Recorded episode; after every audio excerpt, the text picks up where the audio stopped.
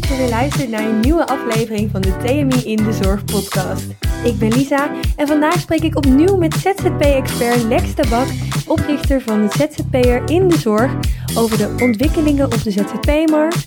Wat moet je nu allemaal eigenlijk weten als een ervaren ZZP'er en wat mag je niet vergeten in de startende fase van jouw ondernemerschap?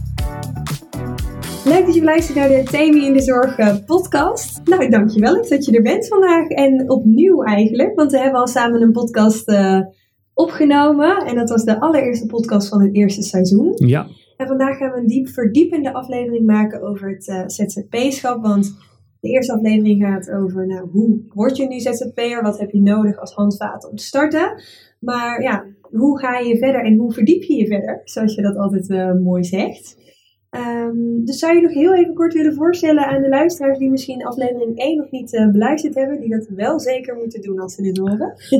uh, ja, dankjewel. Leuk dat ik hier uh, mag zijn. mijn naam is Lex Tabak. Ik ben van oudsher verpleegkundige en ik heb een website die heet zzpernzorg.nl en daar ondersteunen we ZZP'ers in het voldoen aan wet en regelgeving en aan ja, wat informatievoorziening zou je kunnen zeggen. Um, online trainingen, webinars, artikelen.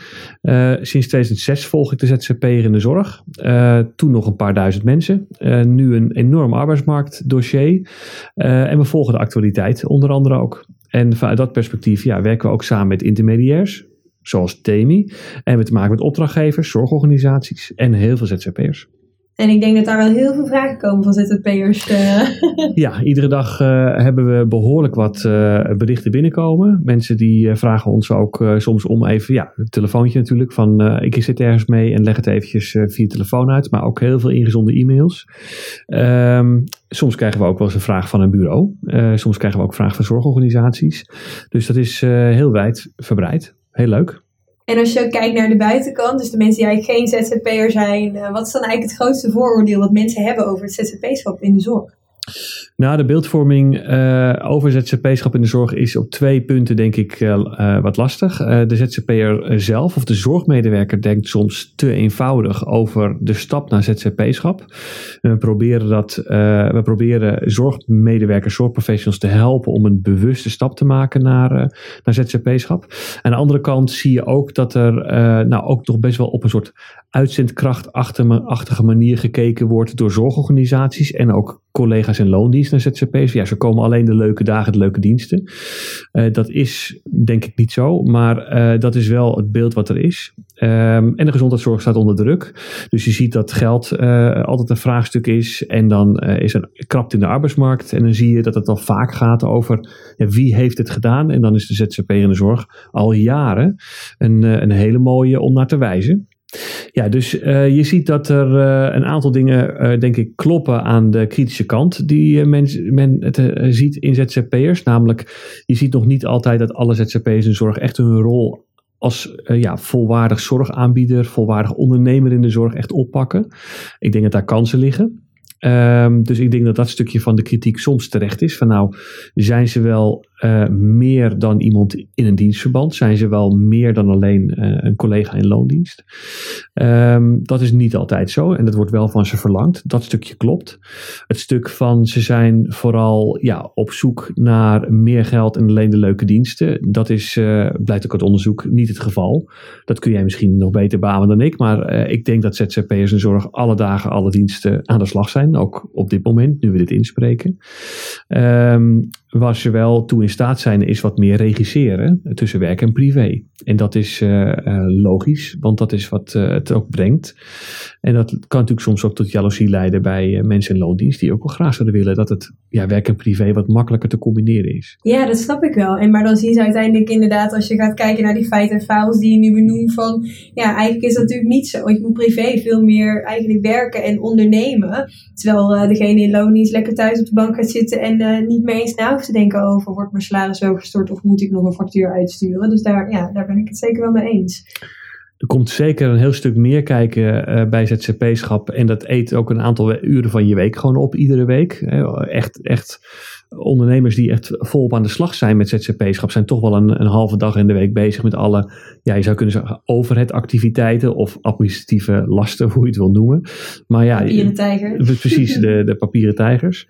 Um, maar um, ja, het levert ook heel veel lol opmerken, want als je begrijpt waarvoor je het doet, waarvoor je je bedrijf uh, in elkaar zet en waarom, je, waarom het belangrijk is om aan de eisen te voldoen, aan ondernemerschap en die van zorgaanbiederschap, dan is het, uh, ja, dan krijgt het ook heel veel betekenis. En merken ook dat mensen het ook heel erg leuk vinden. Dat kan ik ook uit eigen ervaring zeggen. Het is ook super leuk. Dus het is leuk om dit te doen. Maar het vraagt wel wat extra's bovenop inderdaad je uren werken naar huis. En dat is het dan voor die dag. Ja, want er zitten eigenlijk wel heel veel mogelijkheden aan het ZZP-schap, maar ook best wel veel ja, risico's waar je tegenaan kan lopen als je start als ZZP'er. Zou je daar wat meer over kunnen vertellen? Wat een beetje het verschil daartussen is? Ja, je hebt, je hebt denk ik twee grote uh, punten waar je op, over na zou moeten denken, denk ik, voordat je start aan de, aan de stap van ZZP-schap. Op financieel vlak gaat er natuurlijk nogal wat veranderen, want je gaat meer risico's lopen. Dat wordt ook van je verlangd, dat je risico's loopt. Uh, dus je, je gaat wat minder uit uh, van zekerheden en je gaat wat meer kijken naar hoe ga ik investeren? Gaat mijn klant wel op tijd betalen? waar haal ik mijn klanten vandaan? je kunt er op allerlei manieren mee aan de slag, maar daar hoort wel op een hele andere manier in te zitten. Dat gaat over inkomenszekerheid dan je in loondienst gewend was. Daar is het inderdaad gewoon salaris ontvang je, wordt allemaal geregeld. Nu heb je veel meer dingen waarover je na zou moeten denken, waarmee je echt ook aan de slag moet. Dat wordt ook van je verlangd. Dus op het gebied van inkomen gaat er wat veranderen. Wat hou je netto over? Wat ga ik bruto verdienen? Daar zit een groot verschil tussen. Um, en aan de andere kant zie je dat de eisen rondom zorgaanbieder zijn. Dat is dus in feite uh, vrij nieuwe wetgeving, waarbij ja, de wetgever zegt: in feite ben je een soort zorgorganisatie in je eentje. En daar hoort bij dat je beschikt over een klachtenregeling, dat je beschikt over een kwaliteitssysteem, dat je leert en verbetert, zoals het heet. En dat je daar ook prioriteit van maakt. Dus je komt op allerlei soorten plekken, hartstikke goed. Je maakt heel veel dingen mee, ook prima. Maar wat voor lering trek je eruit? Hoe werk je aan je eigen ontwikkeling? Wat doe je met scholing bijvoorbeeld? Um, dat is ook een heel stuk wat van je verlangd wordt. Uh, en wat nieuw is uh, buiten, dan buiten je, je, het normale dienstverband. Ja, want als je daar verder op doorgaat, inderdaad, die klachtengeschillenregeling, uh, dat heet uh, WKKGZ. Ja. Hoe, hoe zit dat precies? Want inderdaad, mensen weten dat ze, en we vertellen het zo ook allemaal, uh, nou ja, sluit een klachtenregeling af. Maar inderdaad, heel veel mensen weten denk ik niet waarom. Waarom doen we dat eigenlijk? Ja, dat is, dat is een hele mooie vraag, denk ik. En dat wordt die vraag wordt niet heel vaak gesteld. Um, sinds 2016 hebben we een nieuwe kwaliteitswet. Die heet de Wet Kwaliteit, Klachten en Geschillen in de Zorg, de WKKGZ. En sinds 2016 staat ook eigenlijk de ZZP'er benoemd in die wet, zo zou je kunnen zeggen. En dat was eerst niet zo. Vroeger ging het alleen over zorginstellingen. En sinds 2016 gaat het over ook solisten, zoals ze heten. Zelfstandigen, zou je kunnen zeggen. En uh, dat betekent dat sinds 2016 in feite ook van ZZP'ers wordt gevraagd: doe iets met kwaliteit, kwaliteitsontwikkeling. Um, en wat is dat dan? Nou, dat is, um, dat is het uitgangspunt van de wet is dat je als je zorg draagt voor een kwetsbare cliënt, patiënt, dat je rekening houdt met het feit dat je ja, ook fouten zou kunnen maken. Dat je altijd weer iets beter kan worden dan je was. Dat er altijd iets valt te leren en te verbeteren. En dat je daaraan hoort te voldoen. Nou, als je dit uitlegt, zie je de meeste mensen knikken. Als je dat in een zaal vertelt met, eh, met uh, zorgmedewerkers of ook al ervaren ZZP'ers. Uh, maar het is wel iets wat in feite iedere dag dan dus door je week en door je dag heen speelt. Wat maak ik nu mee? Waar kan ik wat van leren? Hoe registreer ik dat? Want registratie is daarbij van belang. Ja, dat vraag ik me ook direct af. Hoe registreer je dat? Want het is niet dat je het zo opschrijft in je eigen boekje en dat het daarmee klaar is, neem ik aan. Nee, dat, dat bedoelt de wetgever met de eis van een kwaliteitssysteem. Je moet iets van een systeem hebben, iets van een manier hebben van registreren, iets waarmee je laat zien dat je het registreert, dat je het opschrijft en dat je ook verbeteracties in feite verbindt aan de dingen die je meemaakt. Dus ik heb vandaag een ernstige calamiteit meegemaakt of een incident en ik neem die ervaringen mee naar huis. Ik ga daar met mijn eigen kwaliteitssysteem iets over op papier zetten. Ik heb door dat ik nog een stukje scholing mis. Ik heb door dat ik nog iets aan intervisie moet doen met collega's. Ik heb door dat ik na moet denken over um, ja, wat dit voor de volgende, hoe dit de volgende keer gaat voorkomen. Uh, dat is in feite wat de wetgever beoogt. En logischerwijs zegt de wetgever ook, ja, als een cliënt of een patiënt een probleem met jou heeft, kritiek heeft, moet die kritiek kenbaar kunnen maken, een klacht kunnen indienen. Of misschien is feedback ook al een vorm van klacht. Misschien is kritiek ook al een vorm van klacht. En wat je nu ziet is dat mensen zich gaan concentreren op hetgeen wat ze moeten regelen. Namelijk, ja, ik moet een klachtenfunctionaris hebben, een geschilleninstantie. Ja, dat is als je stap 1 tot en met 5, zelf als ZZP'er, niet uh, als dat niet is gelukt. Maar de vraag is wel van wat is eigenlijk de bedoeling van die klachtenregeling en die klachtenfunctionaris. Ja, dat is dat je leert van klachten. Al in een veel vroeger stadium dan je die functionaris nodig hebt of een, met een geschilleninstantie te maken krijgt. Dus ook dit gaat over leren en verbeteren. Dus je ziet wel dat mensen het einddoel een soort van willen afvinken. Van ja, als ik dat doe, nou, dan heb ik het gedaan. Maar daarmee slaan we de bedoeling over, denk ik, van wat eigenlijk hetgeen is wat van je verlangd wordt. En van iedere zorgaanbieder wordt verlangd, dus ook van ZZP'ers, ja, leren en verbeteren in de praktijk. Doe daar iets mee uh, in een systeem. En onderdeel van dat systeem is een goede klachtenafhandeling. En daar hoort ook een klachtenregeling bij. En mocht je tot zo'n klachtenfunctionaris, uh, nou ja, mocht het zover komen, wordt dat voor je geregeld dan als je eenmaal aangemeld bent? Of hoe zit dat precies? Wordt het dan zelf aangeschreven? Of ja, er zijn een aantal dienstverleners die zo'n klachtenregeling aanbieden. Uh, wij zijn van ZZP en Zorg.nl een van die aanbieders. En uh, die aanbieders bieden over het algemeen twee dingen aan. Aan de ene kant uh, de verplichte klachtenfunctionaris. Een persoon achter de telefoon die laagdrempelig in gesprek kan over de klacht met de cliënt of patiënt. Dus het is een regeling die bedoeld is voor mensen die ja, willen klagen over de zorg. Dat is stap 1, de klachtenfunctionaris. Dat regelen ZZP'ers kleinschalige zorgaanbieders meestal niet zelf, want het is meestal te, duur om dat zelf te doen. Dat is niet effectief. Uh, dat is stap 1, die klachtenfunctionaris. En de andere is meestal van ja, de andere is, ja, hoe ga je dan, als de klachtenfunctionaris er niet uitkomt, hoe ga je dan escaleren naar een formele commissie? En bij de jeugdwet noemen we dat een klachtencommissie. En bij de WKKGZ, die andere wet, noemen we dat een geschilleninstantie. En moet je dat nummer van die, uh, van die commissaris ook nog ergens opzetten als ZZP'er? Bijvoorbeeld van mocht je een klacht hebben, of moet je die zelf doorgeven op het moment dat iemand zegt, hé, hey, ik heb een klacht, ik wil iets indienen, dat je zegt, oké, hier is het nummer? Er zijn regels inderdaad die gaan over iets breder gezegd de voorlichting van cliënten en patiënten, de voorlichting van opdrachtgevers in het geval van ZZP'ers in zorg. Daar hoort ook bij dat je vertelt, ja, ik ben niet onfeilbaar in mijn gedrag. Er zou iets kunnen ontstaan wat niet naar uw, uh, naar uw wens is. En daar kunt u uh, uh, een klacht over indienen. Formeel kan dat. Ik heb nog liever dat u dat zelf persoonlijk aan mij kenbaar maakt. Dat we dat gesprek aangaan. en daar kun je informatie over aanreiken. Dat, je kunt uitleggen hoe zo'n procedure is. We hebben zelf een webformulier waar mensen ook eventueel een klacht kunnen indienen als ze dat zelf hebben. Maar nogmaals, dan ben je eigenlijk al een paar stappen verder als dat je misschien wil zijn. Het advies ja, wat wij. Eerst in het zelf in het gesprek gaan, kijken of je het zelf kan oplossen. En mocht je niet daaruit komen, dan kan je het nummer altijd nog doorgeven. Dus je zal nooit dat nummer alvast op de website zetten van... hé, hey, mocht je een klacht hebben, bel dan meteen naar de klachtencommissaris. Uh, precies, uh, kan wel dat je dat, dat je dat doet, maar in principe is het logisch dat je probeert een relatie op te bouwen met je, met je opdrachtgever, met je cliënt, met je patiënt, waarin je in feite zegt van ja, zodra u, uw kritiek heeft op mij, hoor ik het graag en dan lossen we het samen op, hoop ik. En als dat niet naar, naar, het, naar een goed verloopt, dan hebben we altijd nog een, een mogelijkheid om op te schalen. Dat is in feite waar dit ding over gaat. Um, maar daaronder ligt dus altijd die leren en verbeteren doelstelling. Of het nou klachten zijn of een incident, of het, iets is, of het is iets eh, waarin je merkt bijvoorbeeld dat je qua kennis en competentie nog niet voldoende hebt. Uh, en dat je zegt, ik moet nog een stukje scholing erbij doen. Het komt allemaal op hetzelfde neer. Um, de partij die belast is met uh, de controle op zorgaanbieders is de inspectie voor de gezondheidszorg. En die zegt dus ook van, ja, het gaat ons om het feit dat je leert en verbetert. Hoe sta je ervoor? Waar ben je mee bezig? En laat zien dat je uh, aan de eisen voldoet en dat je hiermee bezig bent. Dat je oplet of je kunt verbeteren. Grote verantwoordelijkheid wel dan eigenlijk als je Dinda dat bijhoudt. Want eigenlijk is dat al sowieso één verantwoordelijkheid. Je kennis en kunde bijhouden is een verantwoordelijkheid. Wat zijn verder nog verantwoordelijkheden die je als ZZP'er echt niet mag vergeten op het moment dat je hiermee bezig bent? Nou, je wil als ZZP'er misschien andersom gezegd twee dingen bereiken. Je wil graag als ondernemer gezien worden. Dat heeft dus te maken met risico's. Dat heeft te maken met een goede administratie. Dat heeft te maken met begrijpen hoe je aan je tarief komt. Hoe is je tarief opgebouwd? Wat voor, hoe ga ik om met mijn geld? Uh, maak ik reclame? Ben ik vindbaar? Um, praat ik als een ondernemer? Hoe, hoe uit ik mij? Is ook heel belangrijk. Dat is een stuk ondernemerschap. Er zitten dus een aantal eisen waarvan de Belastingdienst zegt: ja, jij wil ondernemer zijn. Jij moet bewijzen dat je aan de eisen van ondernemerschap voldoet. En wij houden altijd een lijstje aan van tien criteria, tien eisen waar, waar de Belastingdienst naar kijkt, weten we. Uh, en de andere kant is natuurlijk dat je graag goed zorgaanbieder wil zijn. Dat is het andere onderdeel.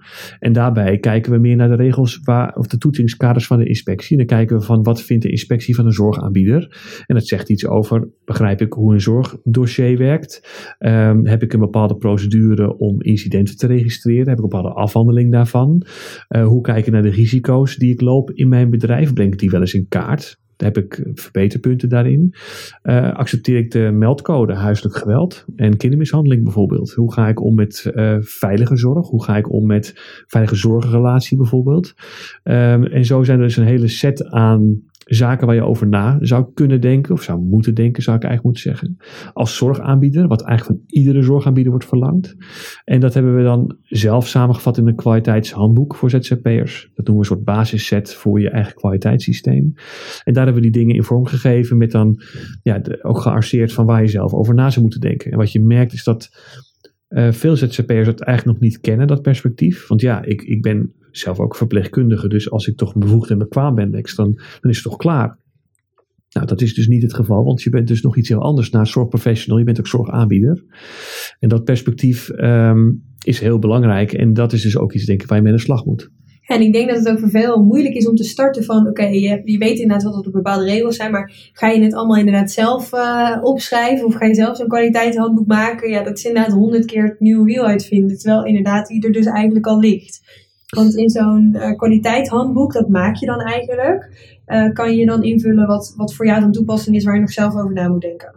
Ja, zo'n kwaliteitshandboek is natuurlijk, het is natuurlijk in principe alleen maar een documentenset. Dus die gaat ook niet de oplossing bieden, die gaat alleen ondersteunen in het denken over kwaliteit, in het denken over ja, wat voor opdrachtgever heb ik nou zojuist gehad? Uh, had ik nou alles goed onder controle met mijn vak? Uh, of zeg ik van nou, ik heb toch nog wel wat meer scholing nodig, merk ik. Of ik heb daar iets laten liggen, dat ging niet helemaal goed. Dan ga ik de volgende keer op verder. Het vastleggen van dat soort ja, dat soort um, observaties zou je kunnen zeggen. Dat is de bedoeling van het systeem. En daar hebben we dus ja, een set aan documenten voor gebouwd. Maar in feite is dat niets meer dan alleen maar ondersteunend bedoeld aan de gedachte van uh, leren en verbeteren in de praktijk. Is het dan ook echt zo, met een goed begin, is het echt het halve werk als ZZP'er? Als je een kwaliteitshandboek hebt, dat je veel makkelijker weg gaat lopen uh, later in het ZZP-schap? Ja, wat we, wat, wat we vooral beginnende ZZP'ers of zorgmedewerkers die nog niet ZZP'ers zijn aanraden, of eigenlijk de vraag die we stellen is hoeveel tijd ga je nou investeren in de verkenning vooraf? Denk dat veel mensen dat onderschatten.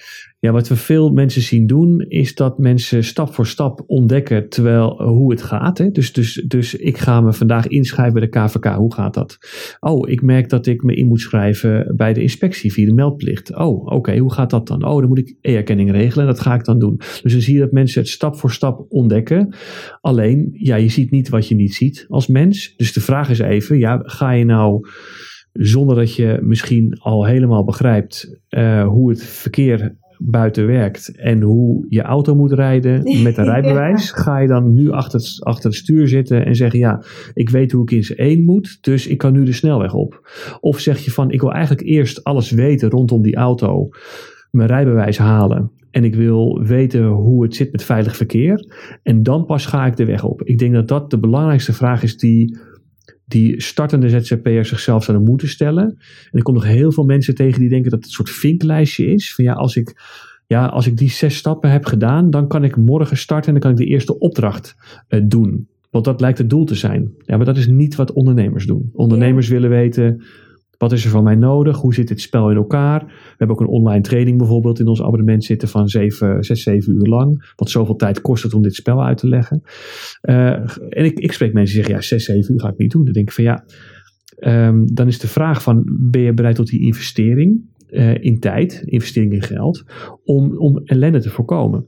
Ja, dit, dit is wel heel erg herkenbaar, want we merken inderdaad ook dat heel veel mensen denken, oké, ik start morgen even.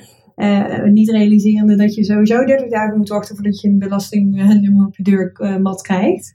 Uh, en dan eigenlijk denken nog twee maanden voor het einde van het jaar van oh, dan kan ik nu nog wel even starten. Dat is natuurlijk wel lastig. Want hoe, hoeveel tijd zou jij zelf um, adviseren voor mensen die starten? Is dat een maand, twee maanden? Het is net zeven uur voor de training. Ligt natuurlijk ook uit leerniveau per, van, per persoon. Ja, dat, dat, is, dat is een punt. En, en dat, ik denk dat het meer gaat over dagen die je investeert dan dat het gaat over weken of maanden. Maar ik denk dat als je je goed wil indraaien en uh, als je je goed wil verdiepen, dan denk ik dat je met een dag of twee, drie, maar echt gewoon echt een goede dag of twee, drie lezen en luisteren. En uh, bijvoorbeeld die training dan, uh, in ons geval dan een training. En dan proberen om te kijken van wat vraagt dit in al zijn facetten. Hoe zit het gewoon in totaal in elkaar? Van hoe werken bemiddelingsbureaus tot aan hoe zit het met de BTW, hoe zit het met de KVK-inschrijving, de e-erkenning en de, het zorgaanbiedersportaal en nou goed, al dat soort termen, zeg maar. Uh, ik denk dat het goed is om dat een paar dagen de tijd te geven en dan te kijken van, ah, is dit überhaupt iets voor mij? Wat we zien is dat we mensen ook soms uh, af laten zien van ZZP-schap. Zo van ja, ik merk toch, Lex, dat het niet iets voor mij is als ik kijk naar wat er van mij verlangd wordt. Uitstekend. Ik bedoel, het is ook niet iets voor iedereen, denk ik. Um, dus, dus die afweging, maar die afweging kun je alleen maken als je een soort beeld hebt van wat het is. Uh, en dat, dat krijg je denk ik niet door te denken dat het een soort flexwerk is of uitzendwerk met een KVK-nummer. Dat is ook waar de kritiek natuurlijk vanuit het land soms vandaan komt. Ze denken er te licht over.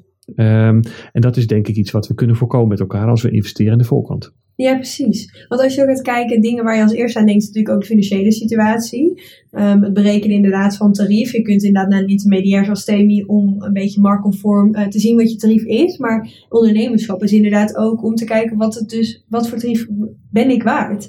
En zijn er nog tips voor hoe je dat een beetje uitrekent? Want de echte rekensom duurt ook wel redelijk uh, lang volgens mij. Om uh, dat eventueel te ik ga, je, ik ga je niet vermoeien met, de, met, met het gedetailleerde verhaal. Waar het op neerkomt inderdaad is het gaat over um, wat is mijn marktwaarde natuurlijk voor een deel. Hè? Daar, daar heeft het mee te maken. En TMI heeft is logisch, zoals andere intermediairs ook, toch een soort uitgangspunt voor tarieven. Omdat opdrachtgevers daarom vragen. En omdat ook daarnaast ze ook graag grip willen houden op, ja, op welke manier zetten we mensen in de markt, zeg maar. Prijzen we uh, collega's in de markt. Dat zie, je, uh, dat zie je gebeuren, is logisch. Maar het is een ander vraagstuk als wat ben ik waard. En wat je waard bent, heeft toch iets te maken met je ervaring die je hebt, de kennis en kunde die je hebt. Ja, ook een relatie met het CAO-loon is een belangrijke. Hè? Dus wat is nou de CAO-schaal waar ik normaal gesproken in zou werken? Wat is het risico wat ik extra loop? Wij houden meestal zo'n 40% extra risicoopslag aan. En uh, hoeveel uren in de week ga, week ga ik dan facturabel zijn? En hoeveel uren in de week neem ik om mijn administratieve zaken ook te doen? En daar moet dus wel mijn inkomen uit voortkomen. Dat leidt dan tot een uurtarief.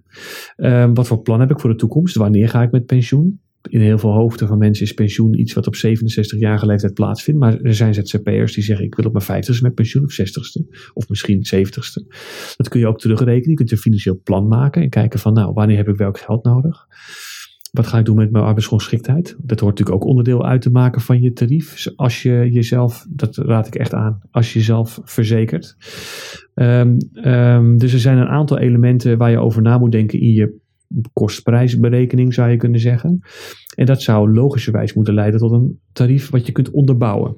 Ja, want dat is ook nog wel een interessant onderwerp. Want zoals je zegt, inderdaad, die CAO-loon komt ook steeds meer terug in het nieuws van het moet dichter bij de CAO-loon. Maar ja, je gaat wel meer risico lopen.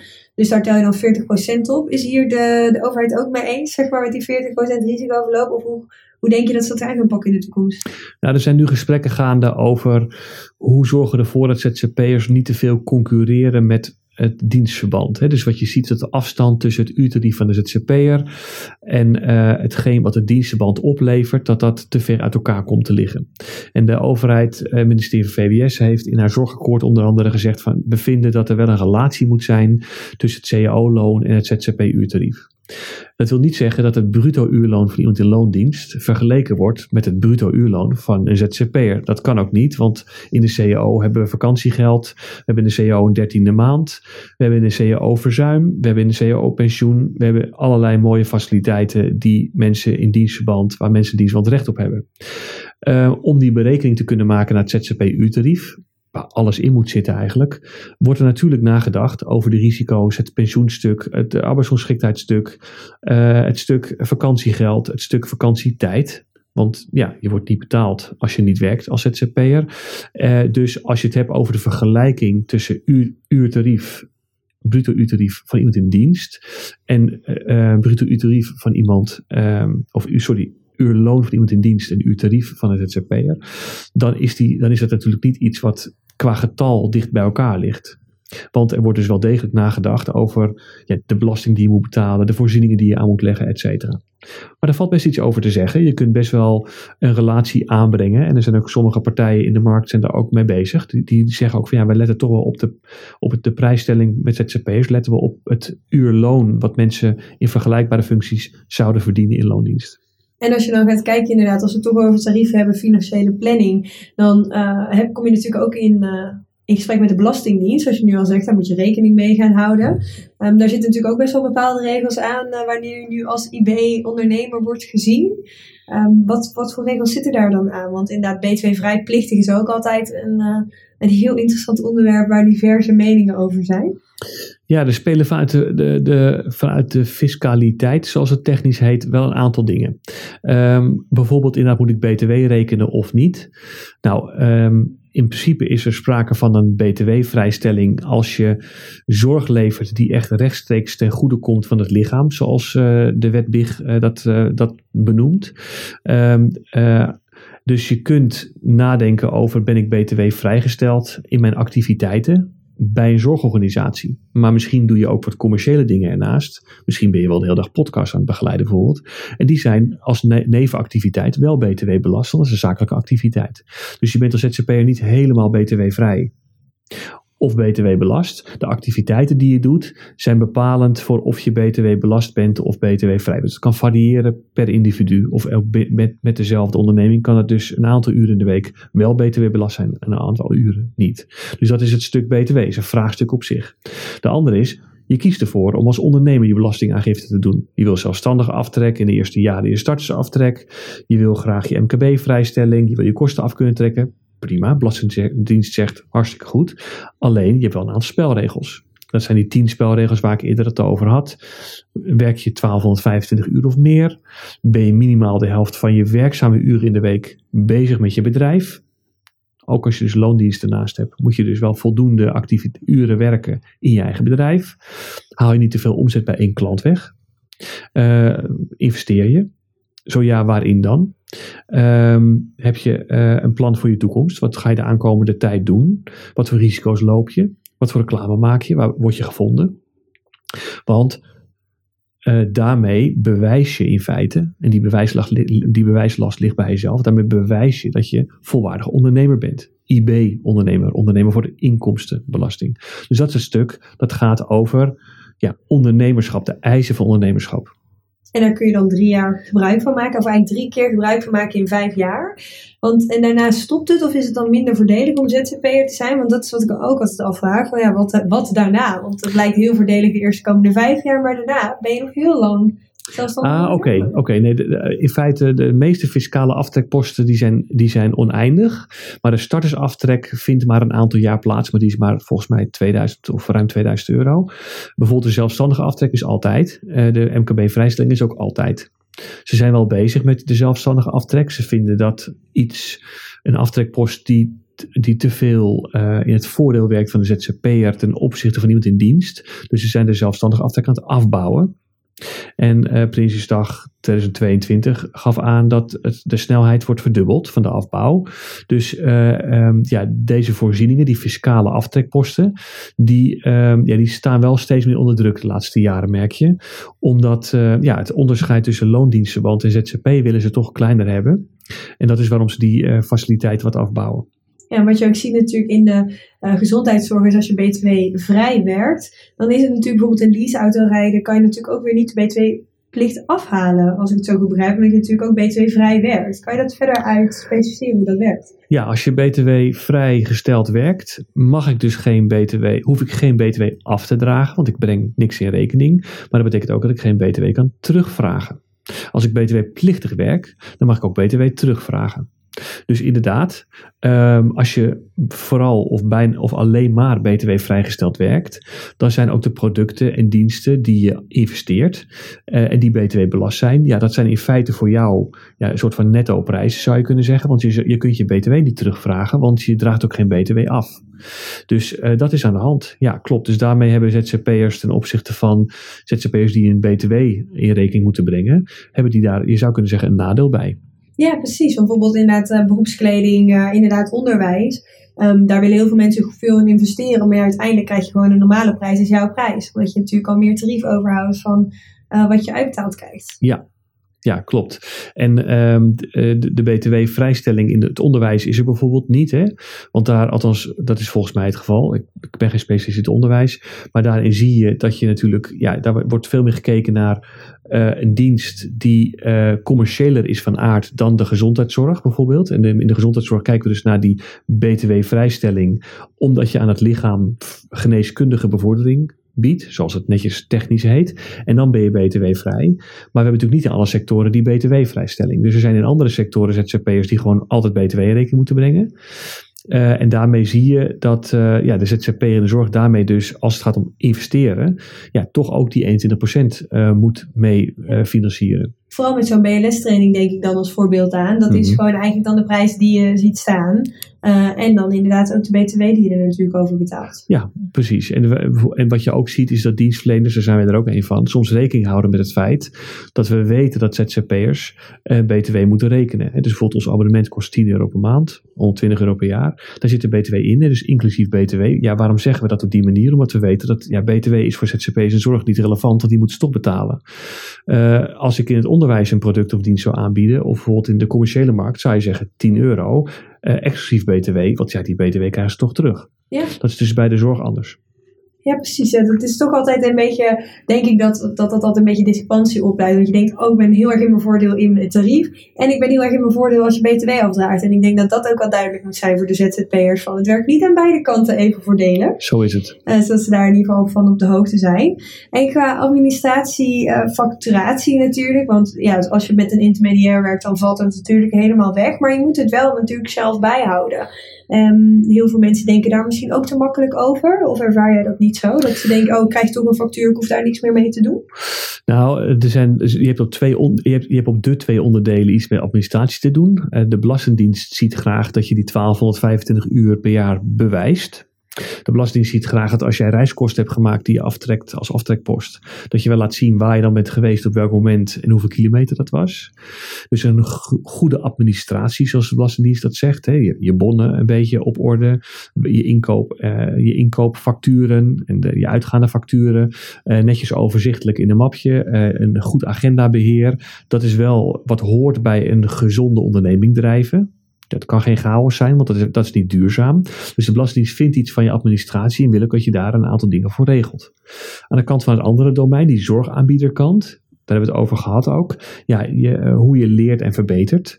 Wat voor leerpunten je treft in de praktijk. Wat voor acties je erop uitzet. Wat voor scholingsplannen je maakt. Ook een van de verplichtingen. Wat voor risicoanalyse je doet. Uh, je hoort dat ook uh, te beschrijven. En die, dat zou je ook als een vorm van administratie kunnen zien. En vanuit het kwaliteitshandboekje een aantal documenten vullen. Uh, op die manier bouw je ook iets op dat gaat over van waar je van bent en hoe je leert en verbetert. Maar dat vraagt ook administratie. Ja, precies. En dan om nu inderdaad in te haken op dat scholingsplan. Heel veel mensen die wij in dit spreken hebben eigenlijk nog geen idee van scholingsplan. Nou, ik weet wel dat ik bepaalde scholingen nodig heb, maar op welke termijnen doen we dat dan? Merk je dat daar veel uh, moeite bij wordt ervaren van ZZP'er? Van hoe richt ik dat eigenlijk in? Ja, en uh, precies. En dat komt eigenlijk voort uit de vraag van wat is eigenlijk de bedoeling? Net zoals we het hebben gehad hebben over wat is de bedoeling van een klachtenregeling in relatie tot die kwaliteitswet kun je ook zeggen, wat is eigenlijk de bedoeling van een opleidingsplan? Nou, de wetgever zegt, in dit geval de zorgwetgever, het is logisch dat als jij jezelf laat verhuren of inhuren, het is logisch dat als jij cliënten zelf in zorg neemt, dat, ja, dat je competenties wel matchen met je opdrachtgever, met je cliënt. En als blijkt dat jouw cliënt iets vraagt wat je eigenlijk niet zo goed weet, ik werk in de thuiszorg en ik tref nu een cliënt met Parkinson. Maar eigenlijk weet ik niet zoveel over Parkinson. Maar ik ben wel, ja, ik ben wel in staat om in de thuiszorg te werken. Ja, hoe ga je er dan mee om? Um, in zo'n geval zeg je van nou, ik merk dus dat er afstand zit tussen wat ik kan en weet en tussen wat de cliënt, de opdrachtgever nodig heeft. En ik zorg er zelf voor dat ik even voor uh, opschrijf, dat hoeft maar op één A4'tje, uh, dat je even opschrijft, ja, waarom heb je nou dit, dit scholingsdoel? Welke partij ga je daarvoor gebruiken? Wanneer ga je dat dan doen? En uh, wanneer is het klaar? Nou, dat is op zich helemaal niet zo'n gekke stap. En daar komt de bedoeling van het scholingsplan vandaan, als voorbeeld. Maar je moet wel begrijpen wat de bedoeling is, voordat je snapt. Ik tref ook ZZP'ers die zeggen, ja Lex, wat is dat nou weer? Uh, scholingsplan, ik meld me wel ergens aan voor een scholing. Ja, maar dan bewijs je niet voldoende waarom, wat de intentie is van die scholing. Dat is van belang, dat je nadenkt over, ja, wat is de bedoeling eigenlijk van die bijscholing? Eigenlijk blijft dat wel een beetje de algehele gedachte. Hè? Van, dat je bij alles wat je gewoon gaat doen als ZZP'er, dat je je erbij afvraagt, wat wil ik hiermee bereiken en waarom doe ik dit? En als je dat gaat afvragen bij alles wat je doet, dan kom je vaak wel uit op het goede. En als je vooral het ook opschrijft, zodat je later erom terugkijken. Dat is precies wat het is. Ja, wat je, wat je in feite doet, je, wordt, je gaat van zorgprofessional naar zorgondernemer. En dat betekent dat er gewoon veel meer perspectieven bij komen. En dat is, het is logisch omdat er is. En het is, ik denk dat het heel erg leuk is, ZZP-schap in de zorg. Ik vind het echt geweldig. Alleen, um, het is wel iets uh, waar je toe bereid moet zijn. Je moet bereid zijn om, je even in te lezen in de bedoeling van die kwaliteitswet, in de bedoeling van een opleidingsplan, in de bedoeling van het registreren van incidenten of leerpunten.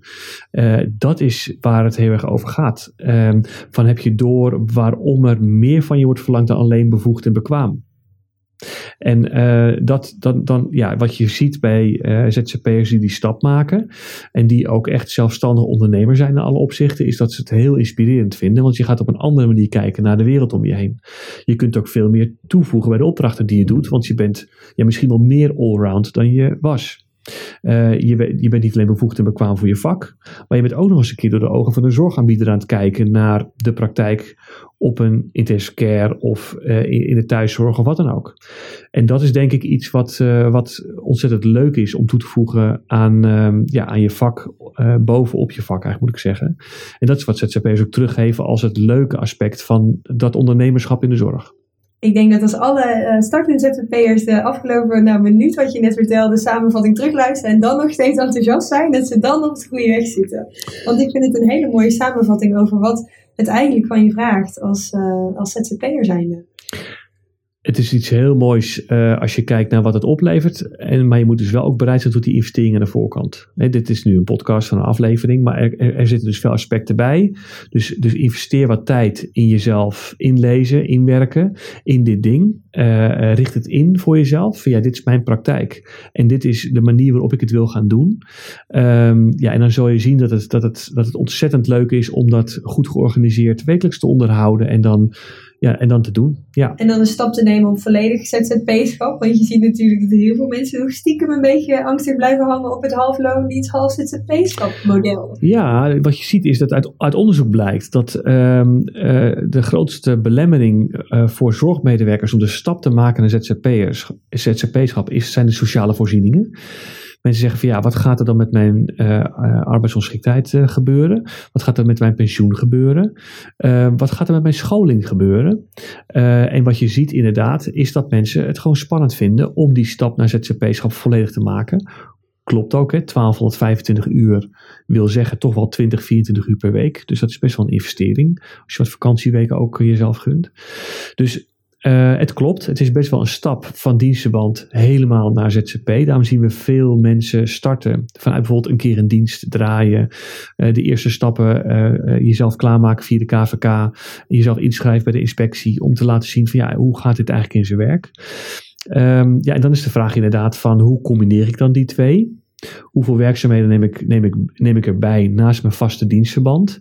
En wat je uiteindelijk dan ziet als mensen meer comfortabel raken met hun plan, met eh, de kennis over wat het van hun vraagt, met flexibel ja, in, de, in de sector aan de slag zijn, met verschillende sectoren. Veel ZZP'ers maken een leuke mix hè, van verschillende sectoren. Dan zie je dat men op een gegeven moment overstapt en het steeds groter maakt. Tot die tijd heb je een soort bijverdiensten, zoals het heet. Je hebt een aantal facturen die je uitstuurt. Dat telt op tot een bepaalde hoeveelheid omzet. Daar mag je wel je kosten van aftrekken. Maar je wordt niet gezien als IB-ondernemer, zelfstandig ondernemer. Dat hoeft ook niet. Je kunt zelf kiezen bij je belastingaangifte hoe je gezien wil worden. En dan kun je zeggen, ja, ik heb wat bijverdiensten. De Belastingdienst noemt dat resultaat uit overige werkzaamheden. Ja, die bijverdiensten die tel ik op aan het einde van het jaar. Bovenop mijn salaris in loondienst. En daar betaal ik wat belasting over het bovenste deel. Want ik heb alles bruto ontvangen. En dan zo reken je af. Dus de combinatie van dienstenband en ZZP, daar hebben we ook ja, veel materiaal beschikbaar voor in de online training en de artikelen die we hebben. Uh, maar grofweg komt het er dus op neer dat je dus op eigen regie uh, wat extra werkzaamheden kan doen. En die tellen dus op tot een bepaalde omzet. Haal je wat kosten vanaf. En aan het einde van het jaar bij belastingaangifte, ja, verreken je dat. En daar betaal je dan wat belasting over. Moet je wel echt goed rekening mee houden. Niet dat je het allemaal al bruto aan het uitgeven bent. En aan het einde van het jaar klopt inderdaad de belastingdienst aan van... Uh, hey hallo, heel leuk dat je dit hebt gedaan, maar hier heb je de afrekening van a 40% is het denk ik dan ook. Precies, ja, nou zeker als je bijverdienst hebt is het nog wel iets meer, want je komt namelijk in het bovenste deel van de, van de belastingschijf terecht, hè, want je telt je extra werkzaamheden bovenop je loondienst. Nou, je salaris, in je salaris zijn al de laagste belastingschijf verwerkt, dus uh, relatief gezien betaal je veel belasting voor, uh, voor je nevenactiviteiten. Uh, inderdaad, die 40% houden wij ook uh, inderdaad aan, net zoals jij. En um, uh, dat moet je zeker reserveren, maar misschien als je bijverdienst hebt wel 50%. Um, ehm, afhankelijk van wat je in loondienst verdient.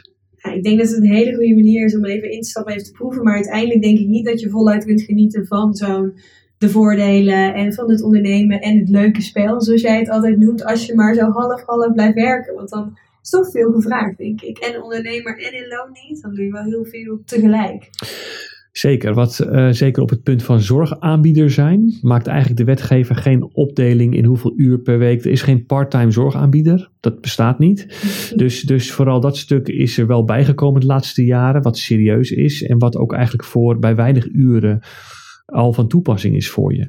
Dus wat je ziet is dat uh, het, het ook als bijverdiensten nog steeds een hele ja, wel overwogen keuze moet zijn, denk ik. Want uh, dat stuk zorgaanbieder zijn, dat kwaliteitssysteem, de klachtenregeling, nadenken over. Hoort er wel allemaal bij. Hoort er eigenlijk vanaf dag één wel bij. Of hoort er, ik zeg eigenlijk, het hoort er vanaf dag één bij. En dan wordt het in combinatie met dienstenband soms best wel pittig. Hè? Want dan heb je en een fulltime of een behoorlijk dienstenband. En je werkt wat ernaast. Maar je moet ook nog eens een keer wat extra zaken op orde brengen. Uh, ja, dat is best wel uh, veel gevraagd. Uh, toch beginnen de meeste mensen uh, met wat uh, diensten werken. Uh, wat, wat kleinschalig ondernemerschap zou je kunnen zeggen, naast hun vaste dienstverband. Ja. Hoe denk jij dan over bijvoorbeeld starten op nul uren? Eh, zodat je inderdaad alvast via een intermediair losse diensten gaat draaien. Want dat komt natuurlijk wel een beetje neer met: oké, okay, ik word ZZP, hoe is het op andere vlakken? En dan heb je nog niet het ondernemerschap erbij. Heb je wel tijd om dat uit te zoeken? Want ik denk dat dat het engste is voor de meesten. Kijk, natuurlijk het de papieren tijger is ook vervelend. Maar een nieuwe omgeving herkennen is natuurlijk ook een van de meest spannende redenen waar mensen denken: ik blijf zitten waar ik zit, want ik heb het hier prima.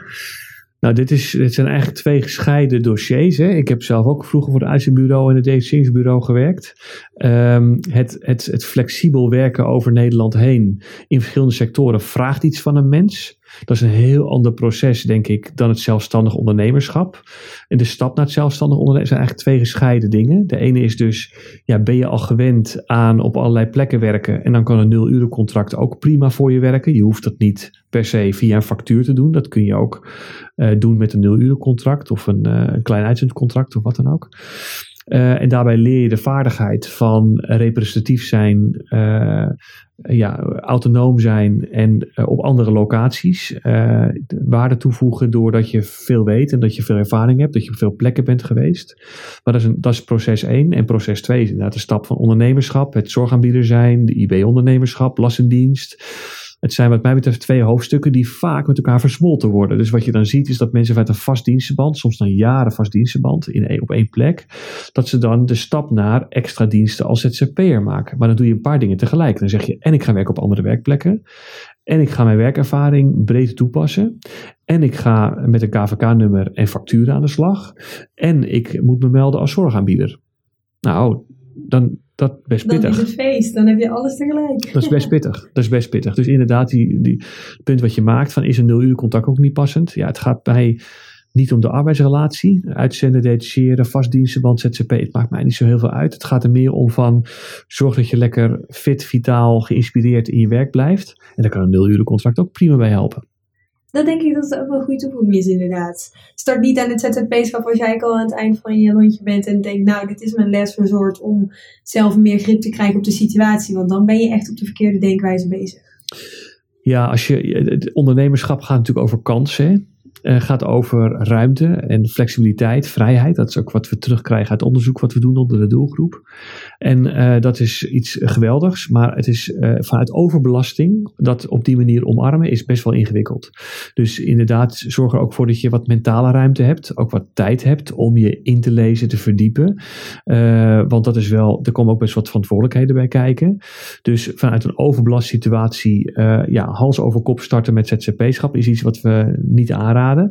Dus, dus um, ja, dan is de vraag een beetje wat past bij je. Um, past nou per se Bij je of wil je gewoon liever flexibel werken? Ja, dan is uitzenden, detacheren, nul uren contract ook uitstekend. Precies. Ik vind dat wel een mooie toevoeging, inderdaad. Dankjewel, Lex, dat je weer uh, ons veel meer mee hebt kunnen nemen in wat nou eigenlijk uh, de volgstappen zijn. Van wat nou als je alles al hebt aangevraagd. Maar eigenlijk denk ik dat de conclusie hier is luister eerst deze podcast en dan pas de tweede, zodat je weet wat je aan moet vragen. Dus nogmaals bedankt dat je er was. En, Graag eh, gedaan. wie weet tot de derde keer. Zo is het.